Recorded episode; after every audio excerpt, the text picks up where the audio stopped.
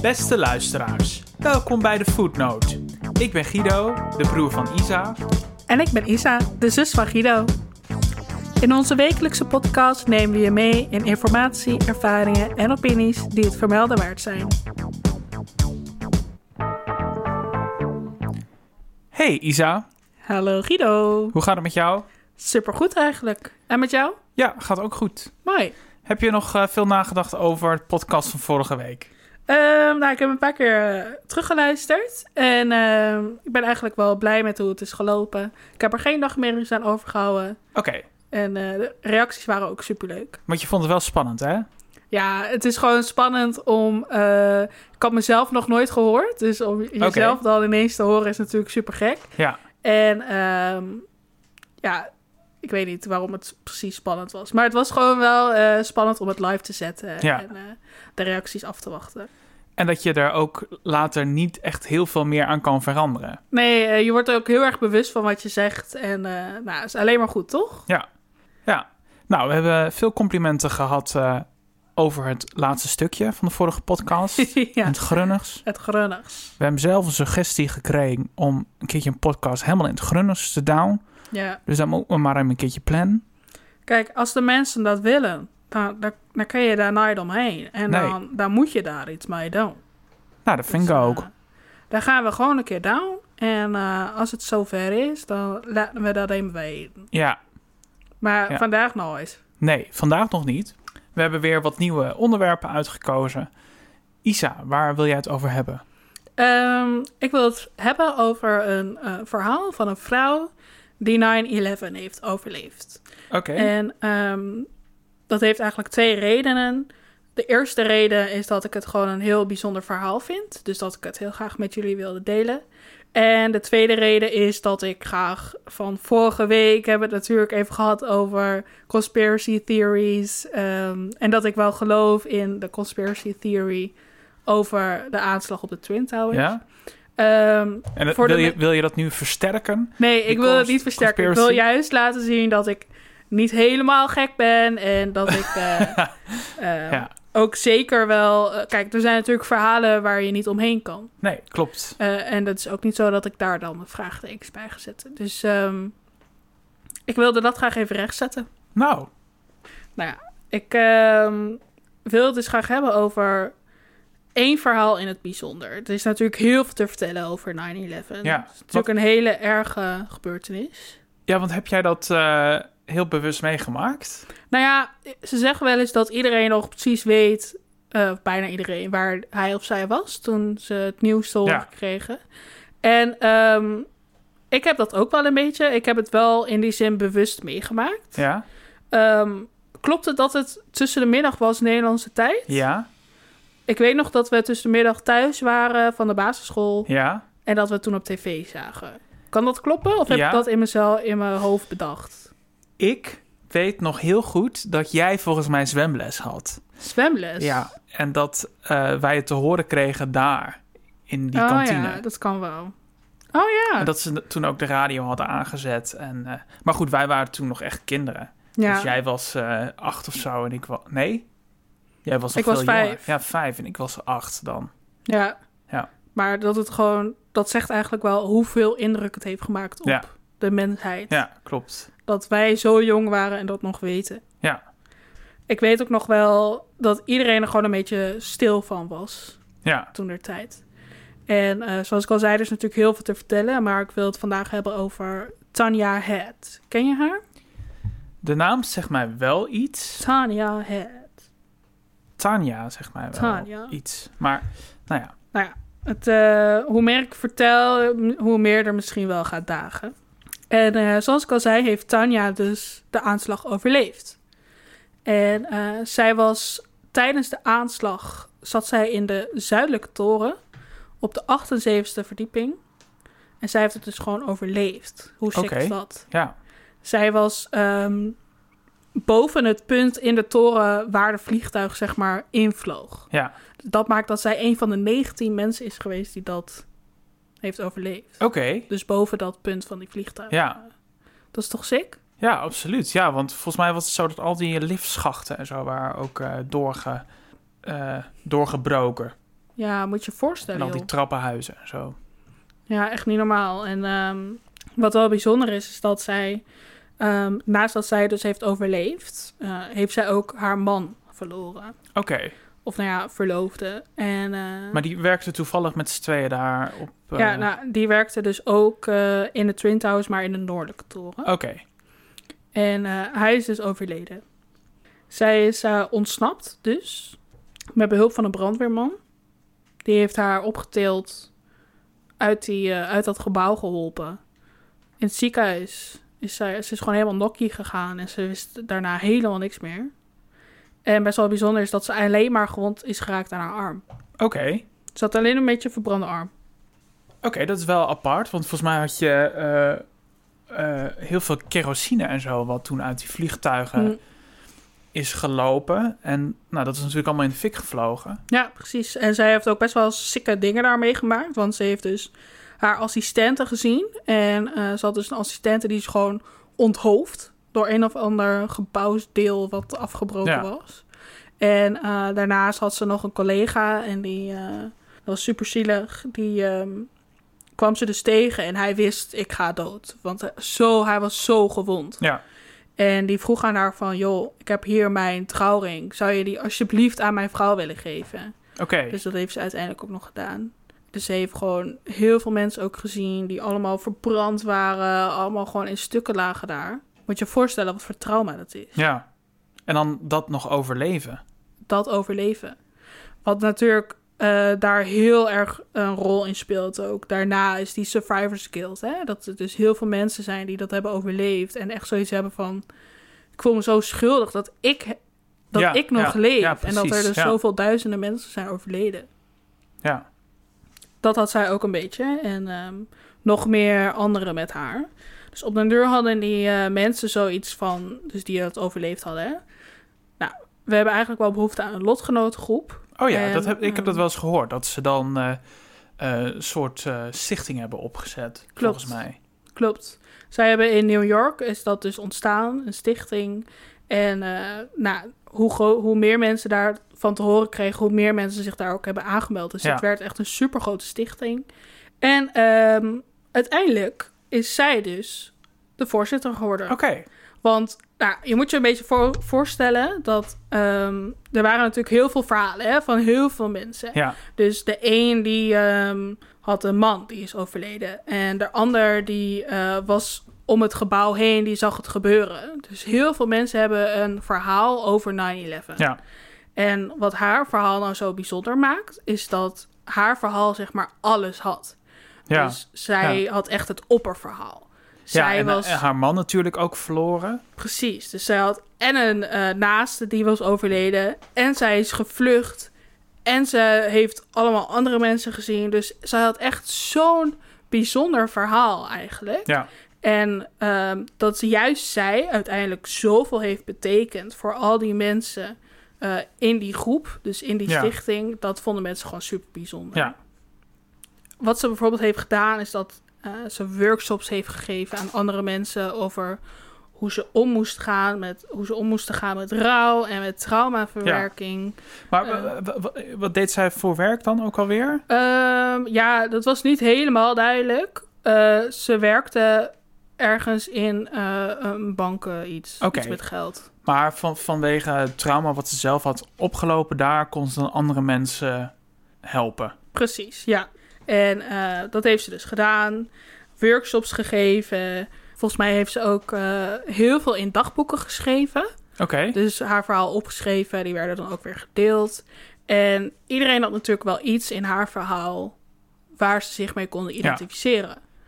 Dus dat is eigenlijk wel heel erg mooi. Dat zij gewoon aan de ene kant dus en het allerkutste verhaal had over 9-11. Ja. En aan de andere kant eigenlijk iedereen daarmee hielp. ja, Best wel heldhaftig ja natuurlijk absoluut. Ja. hoe meer ze eigenlijk daarover vertelde, hoe meer eigenlijk mensen daar twijfels over hadden. Oké, En eh, ik zei net al even, haar man en haar verloofde, dat was voor heel veel mensen niet duidelijk. of, het, eh, of ze daarmee getrouwd was, Ja. of dat ze al- nog in een verloofde fase. eh, Precies. ja. Want aan de ene kant vertelde ze mijn verloofde. Ja. En ze had ook een verhaal. Had ze haar, eh, de winkel gebeld waar ze haar bruidsjurk had gekocht. Ja. En had ze dus gezegd van, nou, weet je, ik heb hem toch niet meer nodig. Want mijn, man, mijn verloofde is dood. Dus jullie mogen die trouwjurk wel doneren. Super mooi natuurlijk. Oké. Maar ja, aan de andere kant vertelden ze ook weer verhalen van de- onze t- eh, trouwerij was zo mooi en ik ga hem zo missen. Dus dat ze Oh, al oké. getrouwd was. Ja. Aan de ene Oké. kant natuurlijk heel mooi, maar als je de dag daarna vertelt dat je al getrouwd bent, Ja. gaan mensen wel vraagtekens daarbij zetten. Ook eh, had zij natuurlijk die assistenten gezien. Ja, klopt. Die onthoofd was door een eh, stalen eh, Ja. onderdeel. En dan zou je denken, best wel bijzonder ook voor de nabestaanden van die assistenten om in gesprek te gaan met haar daarover. ja. En zij was dus ook wel, die Tania was dus ook wel iemand die daar graag iets over kwijt wilde. Ja. Om andere mensen te helpen. Daar Ja. was ze de hele tijd mee bezig. Super veel geld geïnvesteerd, super veel tijd. Eigenlijk het enige wat ze nog deed was bezig zijn met die stichting. Ja. Dus zei die stichting, zei andere mensen op de deur van... joh, anders ga je even lekker in gesprek met de nabestaanden van die assistenten. Dus wat is de naam van die vrouw? Oh, ja. Zei ze steeds, ja, die zitten daar toch niet op te wachten. Bla, bla, bla. dus er kwam maar geen naam. Er kwamen Nee. maar geen details. Ja. Nou ja, weet je, aan de andere kant denk je dan... waarom zou zo'n vrouw daarover Daarover gaan liegen. Dus Ja. Dat, dat, dat bedenk je niet. Nee. Je denkt, oké, nou ja, weet je, misschien vindt ze het lastig om daarover te praten. Ja. So be it. Later kwamen er ook nog vraagtekens over die man die haar heeft geholpen uit die toren. Oké. Ze zei in eerste instantie, dat was een brandweerman. Ja. En er zijn natuurlijk na 9-11 zijn er heel veel verhalen over brandweermannen gepubliceerd. Zijn Ja, er klopt. interviews, omdat dat echt zeg maar de helden waren. Er zijn ook iets van, Van die 300 eh, brandweermannen toen eh, Ja, omgekomen, hè? superveel overleden, superveel verhalen daarover. Ja. En daar was best wel veel aandacht voor. Ja. Dus op den deur hadden ze ook zoiets van, nou, misschien kunnen we dan met die brandweerman, kan je je dank of zo even Ja. eh, laten blijken of zo. Ja. Ja. Maar toen ineens was het geen brandweerman meer, maar een hele willekeurige man. Een Oké. man met een rode bandana. Dat is het enige wat ze nog Oké. wist. Was dus maar helemaal geen brandweerman. Wat wel interessant ook is, is dat zij ehm, al die details wel heel gedetailleerd ook f- heeft verteld. Dus het Klopt. onthoofden van een assistente. Maar ja, weet je, op den deur... Het, het zat niet helemaal lekker. Nee. Ehm, mensen hadden toch wat vragen. Maar ze kreeg wel gewoon voordeel van de twijfel.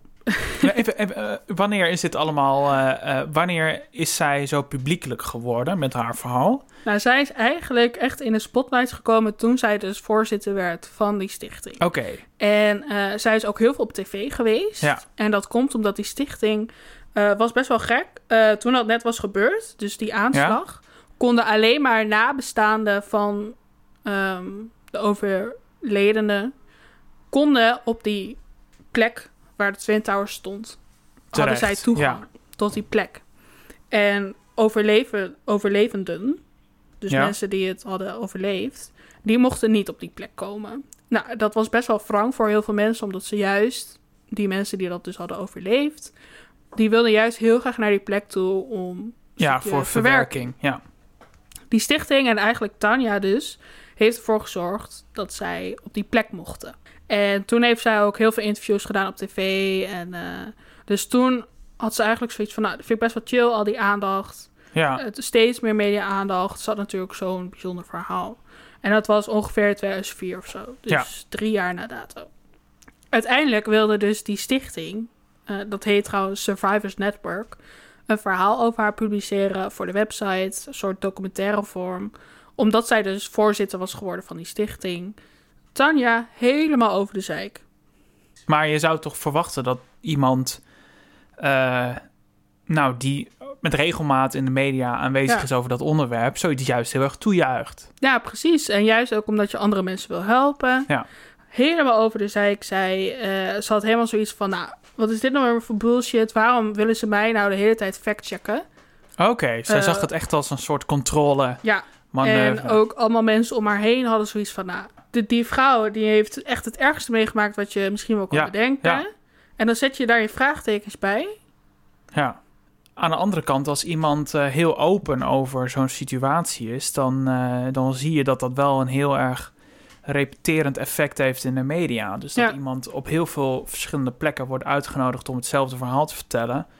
En je misschien ook wel dan op de duur van iemand verwacht dat, eh, dat er een beetje eelt is gekweekt, bij wijze van spreken. Ja. Precies. Eh, New York Times heeft gewoon alles, is gewoon alles na gaan lopen. Oké, En stortte dus haar hele verhaal stortte gewoon in. wauw. Ze heeft gewoon alles gelogen. Gewoon Oké. alles. Van trouwjurk tot aan... Ja, ze, hadden dus, Onthoofde. eh, ze had wel een naam gegeven voor haar man s- slash verloofde. En die man, eh, die nabestaande van die man, die kende he- geen hele Tanja. Die kende hele haar helemaal niet. Dat Oké, was dus, wel de- een de echte man. de- dus ze, een had bestaande gewoon, man. ze had gewoon een naam gepikt van Wauw. eh, een man die daar was overleden. Oh nee. Eh, de mensen dus, eh, New York Times, dus die mensen opgebeld. Ja, Van die man. nabestaande van die, eh, van die man. En die kennen die hele Tanja dus niet. Oké. dat was eigenlijk echt het eerste waarvan de New York Times vooral zoiets had van, nou, als dat al niet waar is. Ja. Nou, weet je, ze had nog wel steeds die verbrande arm. Ja. Dus mensen hadden nog niet helemaal zoiets van, eh ze was er helemaal niet bij. Maar toen dat balletje eenmaal ging rollen, toen ging het ook echt behoorlijk, joh. Oké. Echt. Een Spaanse krant heeft toen bijvoorbeeld ontdekt dat ze gewoon in Spanje was. Tijdens die Oh, wauw. aanslagen. Ze was niet eens in Amerika. Ze was En pas dit is, tien wel, dagen... dit is wel een Amerikaanse vrouw, dit.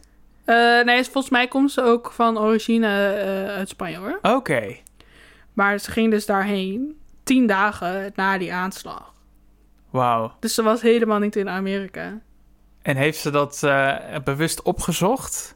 Is Ja. ze bewust naar Amerika gegaan na die aanslag? Dat is niet helemaal duidelijk, want eh, toen uiteindelijk iedereen wist dat het dus gelogen was, is ze gewoon gevlucht ergens naartoe en Oké. niemand heeft daar ooit meer gesproken. Wat ik ook wel snap. ze is dus gewoon een Pathologische leugenaar. ja, pathologische leugenaar. Best wel sick. Ja. Dat je gewoon dat allemaal verzint, al die details. En dan ook niet even nadenkt van... mensen gaan hier toch vragen over stellen en dan valt het toch allemaal ineen. Ja. Nee, maar het is een beetje hetzelfde als dat je dan... Dat je gewoon zo'n verhaal helemaal verzint. Bijvoorbeeld à la J.K. Rowling of zo. Gewoon zo'n hele wereld met, eh, met naamgevingen en zo. Daar geen onderscheid in weet te maken tussen Nee. realiteit en verhaal. Maar wat je, Volgens som- mij- wat je ook wel vaak hoort is dat mensen beginnen met één leugen. En dat zeg maar die constructie niet kan standhouden. Als niet dat ook weer opgevolgd Ja. wordt door allemaal andere eh, Het is echt eh domino-effect, Ja. denk ik. En wat ook wel heel erg sick is, is dat volgens mij al die mensen... die dus leugenaar zijn, pathologisch... Ja, ook gewoon op den deur echt geloven, hè? Dat ze dat allemaal hebben meegemaakt. Ja. En daarom het ook wel best wel natuurlijk komt. Want als jij echt ervan overtuigd bent in je hoofd... of jezelf in ieder geval ervan hebt overtuigd dat je dat hebt meegemaakt... Ja. dan kan je denk ik ook wel al die details en zo verzinnen.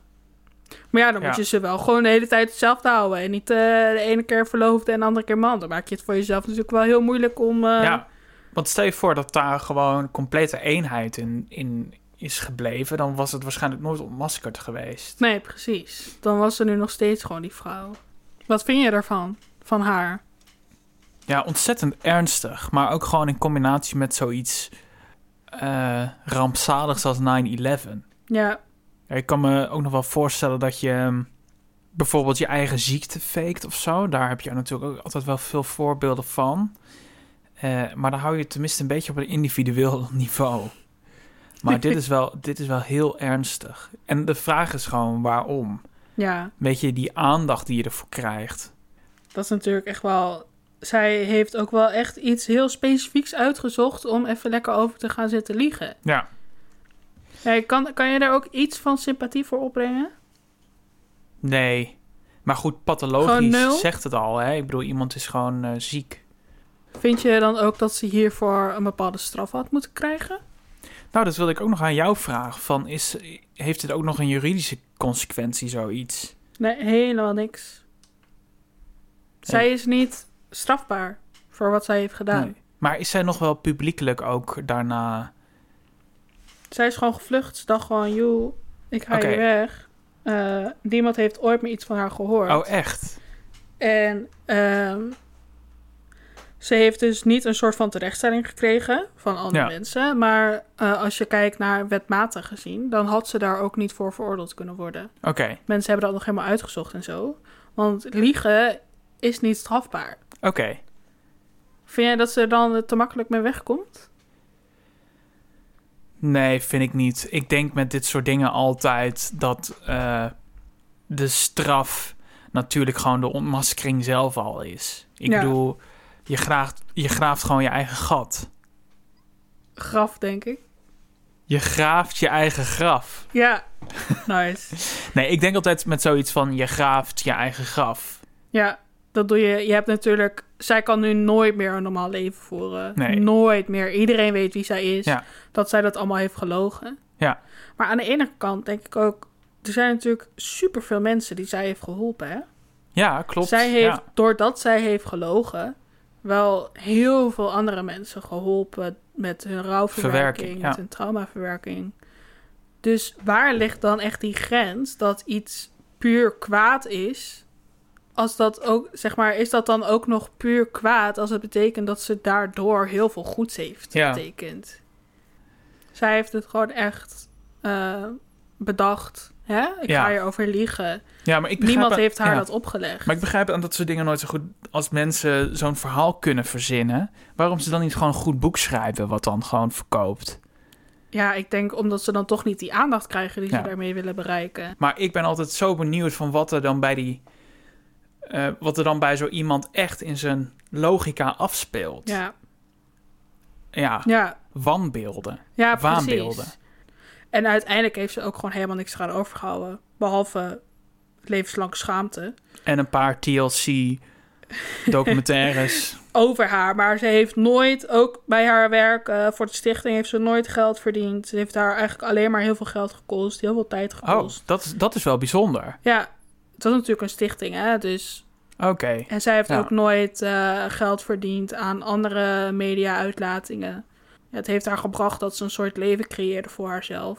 En daar wel lekker comfortabel mee was. Maar ja, toen het uiteindelijk ging rollen, dat balletje, dat het dus allemaal een leugen was. Ja. Zit ze nu ergens ondergedoken, eh, wie weet waar. Misschien zit ze hier wel eh, tegenover het pannenkoekschip, weet jij veel. Ja.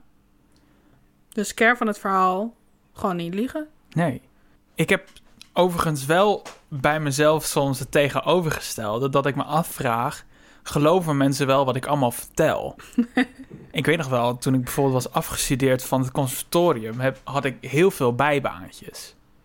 Dus ik heb eh, gewerkt bij Laplace bijvoorbeeld en in het Ziggo Dome en ik ben ijskaman geweest en ik ben dan nu IT'er. En als ik dan bijvoorbeeld collega's vertel van ja, nee, ik ben toen ijskaman geweest in Amsterdam. Dan heb ik ook zoiets van ja, dat klinkt, dat klinkt toch helemaal niet Ja, logisch in, in het super. hele verhaal. En dan vraag ik me wel eens af van nou, die mensen die zullen misschien wel denken van nou, die liegt gewoon alles bij elkaar. Ja, mensen hebben dat heel vaak als ik vertel dat ik in China heb gewoond. Oh ja, ja precies. Ja, Dan zeggen mensen altijd, ja, dat, dat lieg jij gewoon. ja precies. Nee, maar al- ook- dan denk ik ook gewoon, ah, ik heb al eerst verteld dat ik ijskamerman ben geweest. En dan- daarna heb ik een keertje verteld dat ik in Ziggo Dome heb gewerkt. En als ik nu ook nog ga vertellen dat ik in China heb gewoond. Volledig gewoon niemand die jou gelooft. ja, precies. Maar het zijn ook echt hele specifieke dingen natuurlijk. Ja, ik vind ook wel, iedereen liegt. En Ja, iedereen liegt, maar er moet natuurlijk wel een soort balans zijn van, dit gaat te wat ver. werkbaar En dit is. was Ja. duidelijk, Ja, oké. heel duidelijk, echt te ver. ja, dit ging wel te ver. ja. Dus eh, dat zou ik gewoon echt niet aanraden. En mag je dan bijvoorbeeld wel liegen over hoe iemand eruit ziet? Want ik Ja. bedoel, ik heb mijn beste kleding aangetrokken, maar dat, dit- ik heb toch hele mooie kleding aan? Ja, Nou, Isa, ik zou het graag met jou willen hebben over sharenting. sharenting. Ja, en sharenting is als eh, ouders beeld en geluid van hun kinderen online zetten Oké. en delen op social media. Heb jij al het filmpje op Facebook gezien van een jongetje wat wordt opgebeld door Sinterklaas Nee, en dan een streng telefoontje krijgt? nog niet gezien. Nou, dat gaat ongeveer zo. O Oh jee, wat zie ik nu? Nou, jongeman, er staat hier dat jij een beetje stout bent geweest. Je wilde je groenten niet opeten. Wel! Dat vinden ze natuurlijk niet zo Ik wil het echt, echt luisteren. fijn, hè? Want alleen lieve kindertjes krijgen cadeautjes op pakjes aan. Maar ik wil dat helemaal niet wegnemen.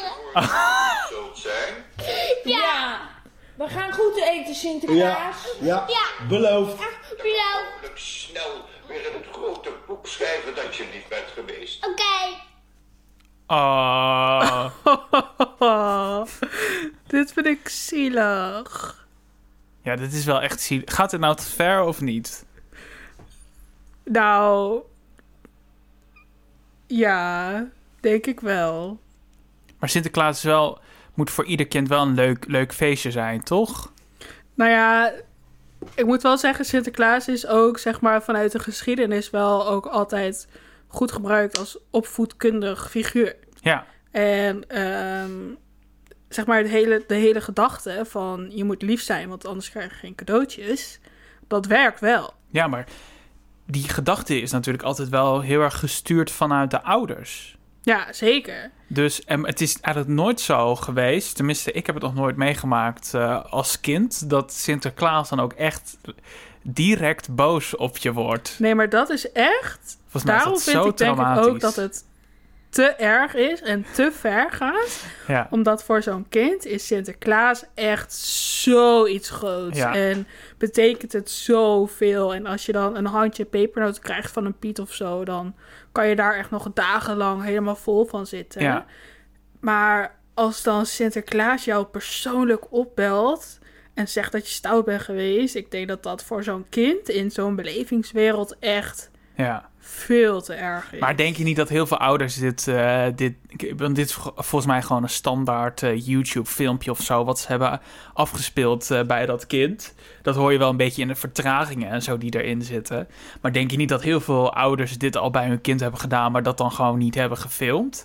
Ik heb ook het idee dat, dat ze dit gewoon eh, aan dat kind hebben laten horen... maar dat zij natuurlijk niet in hebben gecalculeerd... dat het kind daar helemaal van streek van raakt.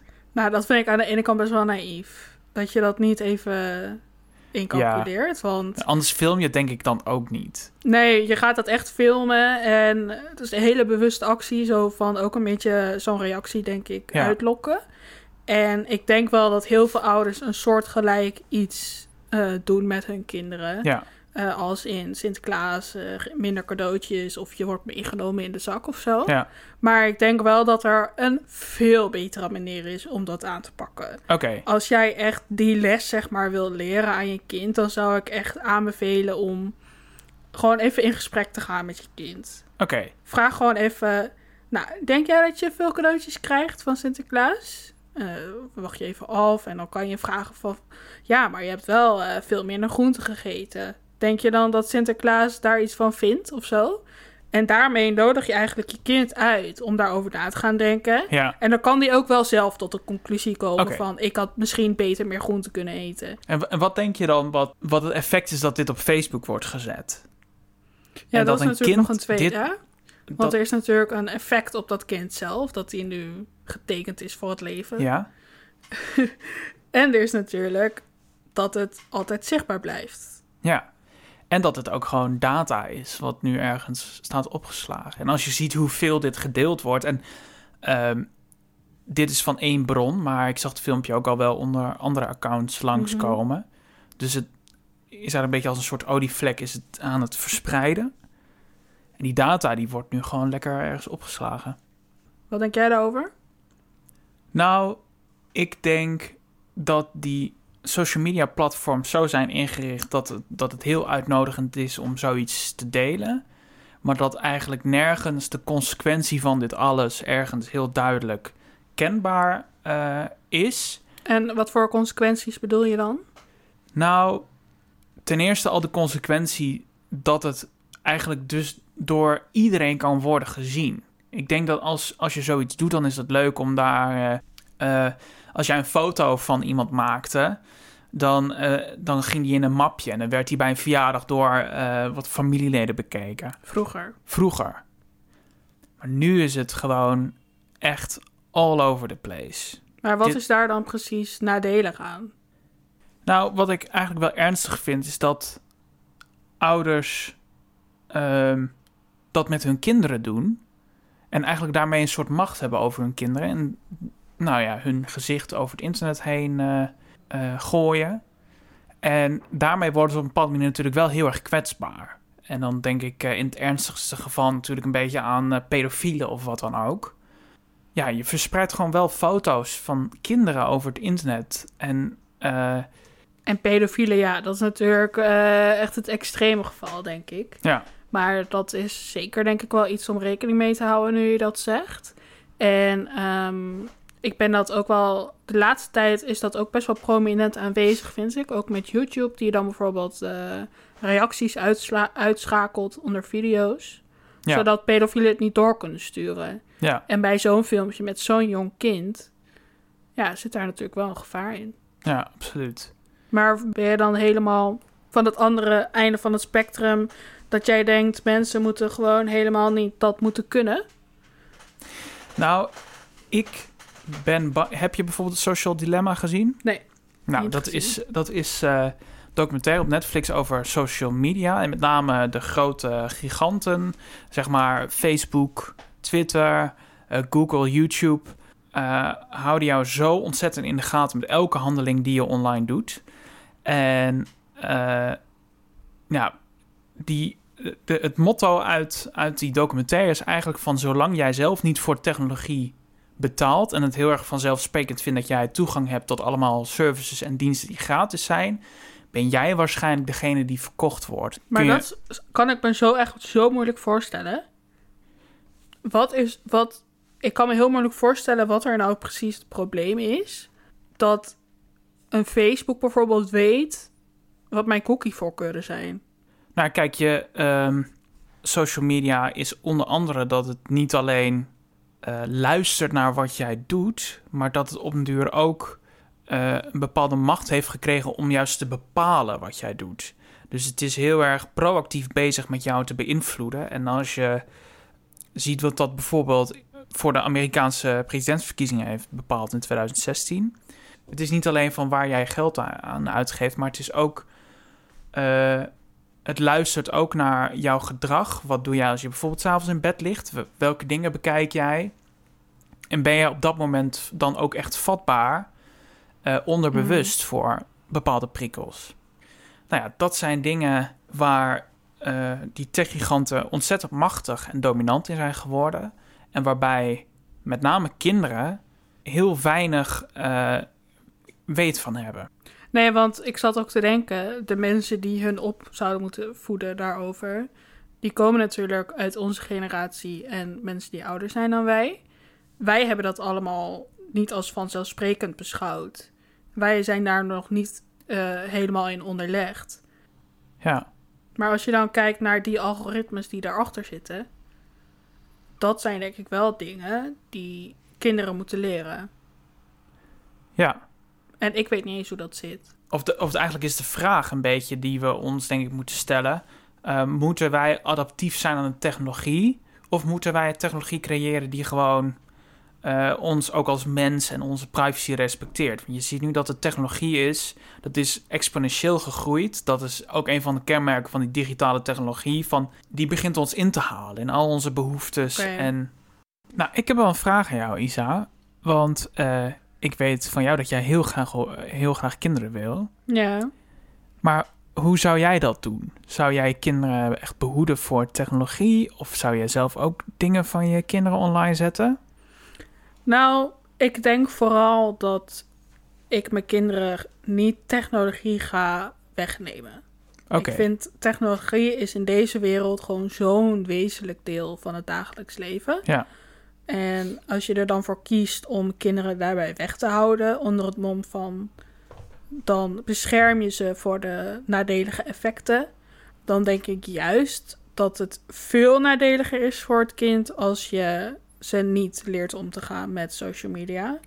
Want elk kind gaat social media hebben. ja, Elk kind gaat online leven. Dus ja, dus ik ga sowieso mijn kinderen gewoon lekker eh, op social media laten. Als ik dan kijk naar mezelf, zou ik bijvoorbeeld ook zo'n filmpje van mijn kind online zetten waarin ik zogenaamd doe alsof je door Sinterklaas wordt gebeld, dan denk ik nee. Nee. Ik denk dat het niet eens leuk is voor dat kind om later terug te zien. Nee, klopt. Ik denk dat dat misschien best wel eh, eh, kwetsbaar is voor zo'n kind. Ja, Oh, cool. helemaal als hij zeg maar in een beetje een kwetsbare periode zit. Stel hij zit in de puberteit of zo. Hoe kut is het dan als je op een feestje bent en iemand laat ineens dat filmpje zien? van, Ja.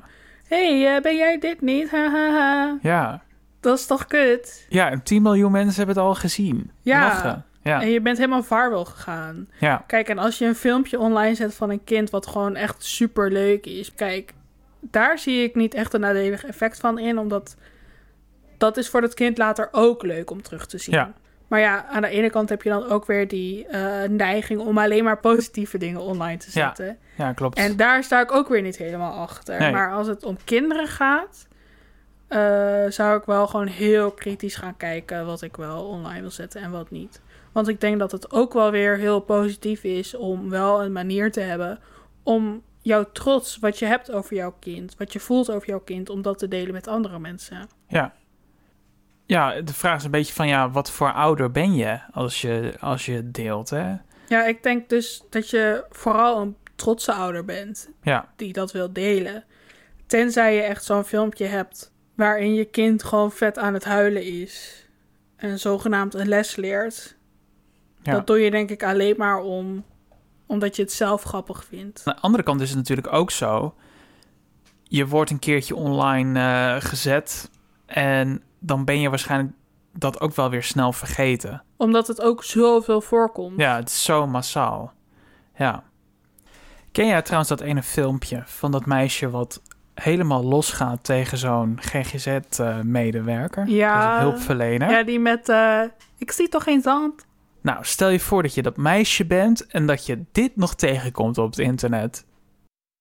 Ik zal maar een beetje inbinden als ik jou Nee. was. Ja, wel. Nee, Wel. nee, Want? want, want. Ja, super heftig. Ja, dit was wel een pittige. Alleen ik vraag me wel af wie zich dan meer moet generen: dat meisje of die hulpverlener. Ja, allebei. Maar met dit filmpje heb ik ook wel echt zoiets van.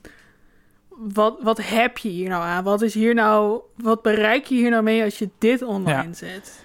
Ja, klopt. En volgens mij is Behalve het. eeuwige chaîne. Ja, en maar het lullig is natuurlijk dat het destijds gewoon in een documentaire eh, voorkwam. Als het tien jaar of twintig jaar geleden eh, was gebeurd, dan eh, was het gewoon één tv-moment geweest en had niemand het opgenomen. Maar Ja. nu zit er zo'n conservering in en wordt het zoveel gedeeld. Gaat het helemaal vaarwel Ja. gelijk. En dat is ook wel dat ik denk als ik zelf kinderen zou hebben.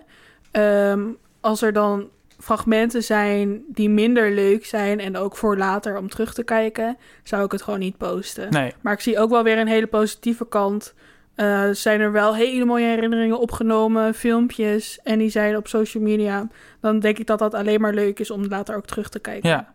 Ja, gewoon eigenlijk als een soort van fotoalbum. Ja.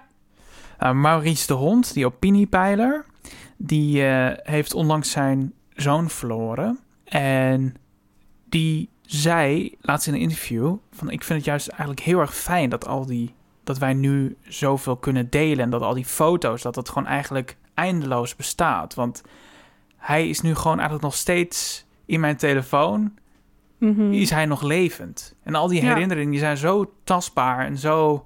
Hij heeft bijvoorbeeld eh, ouders die ook de oorlog hebben meegemaakt en eh, gewoon, gewoon echt in een kamp hebben gezeten en zo. En die hebben dan eigenlijk heel weinig tastbare herinneringen nog. Ja, een Ja. paar foto's en. Maar goed, nu is door dat alles nou, wordt opgeslagen in de cloud. Mhm. Ja, kun je herinneringen nog heel erg levend houden. Ja, Dus er zijn dat, natuurlijk heel veel manieren om die herinneringen vast te leggen. En ik denk ook dat dat wel echt een heel mooi punt is van social Ja. media.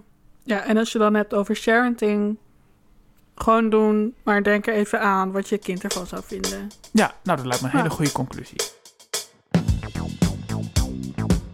Vond je deze podcast leuk? Abonneer je dan op ons op iTunes, Spotify en volg ons op Facebook en Instagram.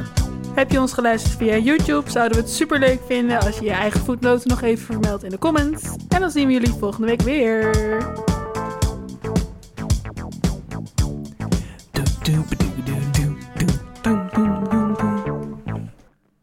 Is het ook eh heard wat met Thierry Baudet eh, gebeurd is van de week?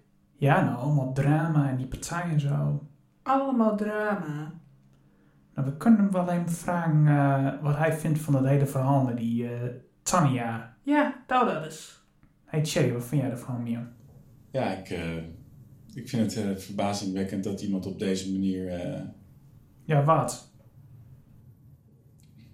ja, ik moet even wennen aan het nieuws. Ja, dat snap ik wel. Het is ook wel wat, hè?